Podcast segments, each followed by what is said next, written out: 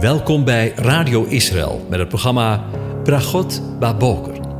Een kort ochtendprogramma waarin een gedeelte uit de Bijbel wordt gelezen en besproken. Met Bragot Baboker wensen onze luisteraars zegeningen in de ochtend. Presentator is Kees van de Vlist. Goedemorgen, luisteraars. Vanmorgen denken we weer verder na over Psalm 119 en van de versen 145 tot en met 152.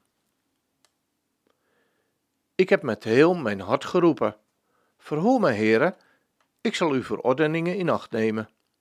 Ik heb u aangeroepen. Verlos mij. Dan zal ik mij aan uw getuigenissen houden. Ik ben de morgenschemering voor geweest en heb om hulp geroepen. Op uw woord heb ik gehoopt. Mijn ogen zijn de nachtwaken vol geweest om uw woord te overdenken. Hoor mijn stem overeenkomstig uw goede tierenheid. Heere, maak mij levend overeenkomstig uw recht. Wie schandelijk gedrag najagen, komen naderbij. Zij zijn ver van uw wet verwijderd. Maar u, Heere, bent nabij, en al uw geboden zijn waarachtig. Al van ouds weet ik van uw getuigenissen. Ja, u hebt ze voor eeuwig gegrondvest. Tot zover. Over de nabijheid van de Heere gesproken. Uit het gelezen gedeelte kunnen we opmaken dat de dichter van de psalm in grote nood zit. We horen hem met heel zijn hart, je zou haast zeggen uit volle borst, want daar zit ons hart, roepen tot God de Heere, de God van het verbond met Israël roepen om hem te verhoren. Al eerder in de psalm liet de dichter weten dat hij tot de Heere sprak, maar nu wordt het roepen met nadruk genoemd.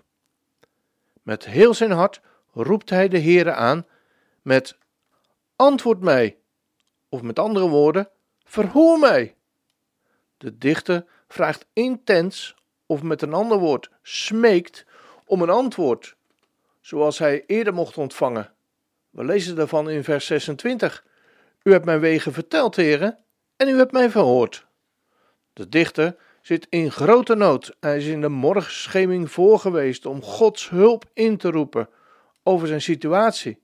Zijn ogen zijn de nachtwaken vol geweest om uw woord te overdenken. Voor de zon opkomt, roept hij al Gods hulp in voor zijn situatie. Met andere woorden, hij kon er niet van slapen. Ken jij dat ook? Dat de zorgen in je leven zo groot zijn dat je s'morgens vroeg wakker wordt en gaat liggen piekeren en dat je onrustig bent, dat de omstandigheden waarin je je bevindt in alle zwaarte op je afkomen, dat je gaat liggen draaien en overdenken hoe je uit deze situatie moet komen? Ik wel hoor. En de dichter heeft er ook last van. Niets menselijks is hem vreemd. Maar hij heeft de oplossing gevonden. En die wil ik mijzelf en jou ook in herinnering roepen. Wanneer de zorgen groot zijn, dat je s'morgens bij wijze van spreken ermee wakker wordt en de omstandigheden in volle zwaarte op je afkomen, sta dan op uit je bed en roep Gods hulp in en onderzoek Zijn woord.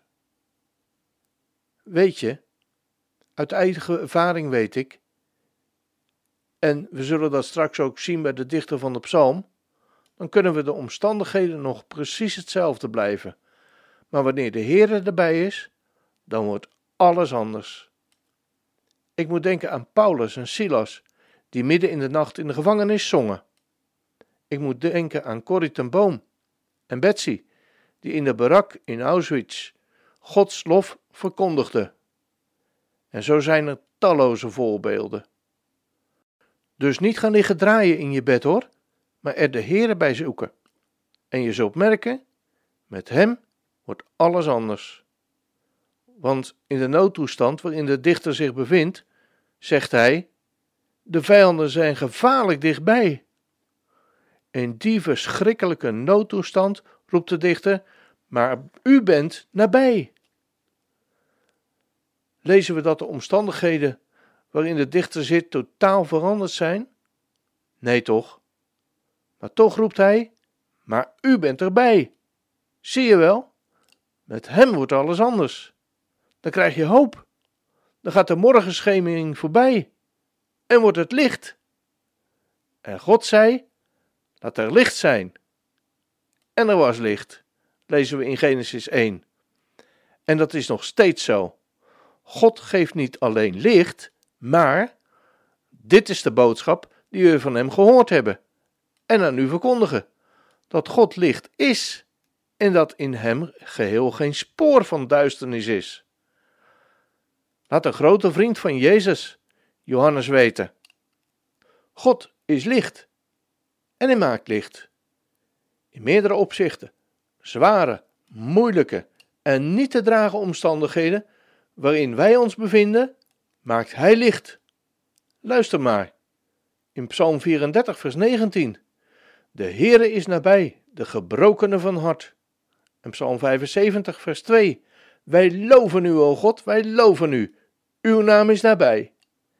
En Psalm 85, vers 10. Ja, zijn heil is nabij, degene die hem vrezen. En Psalm 145, vers 18. De Heere is alle nabij, die hem aanroepen.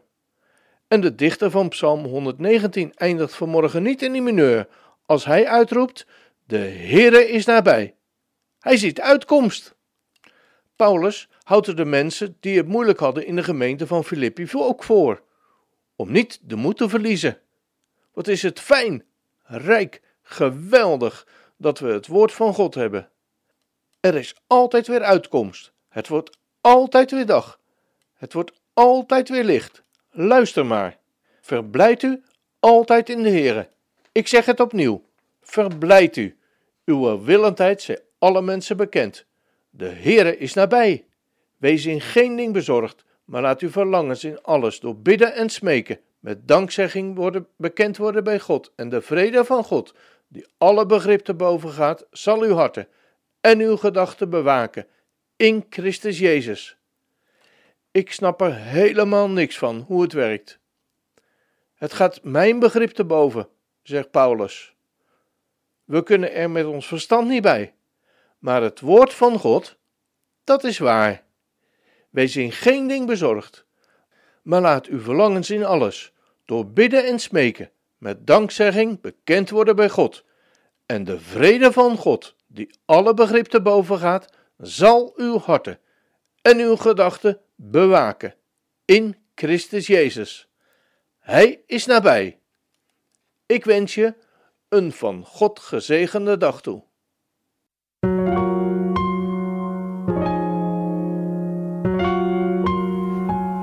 U hebt geluisterd naar het programma Bragot Baboker. Een kort ochtendprogramma waarin een gedeelte uit de Bijbel wordt gelezen en besproken. Wilt u het programma nog eens naluisteren, dan kan dat.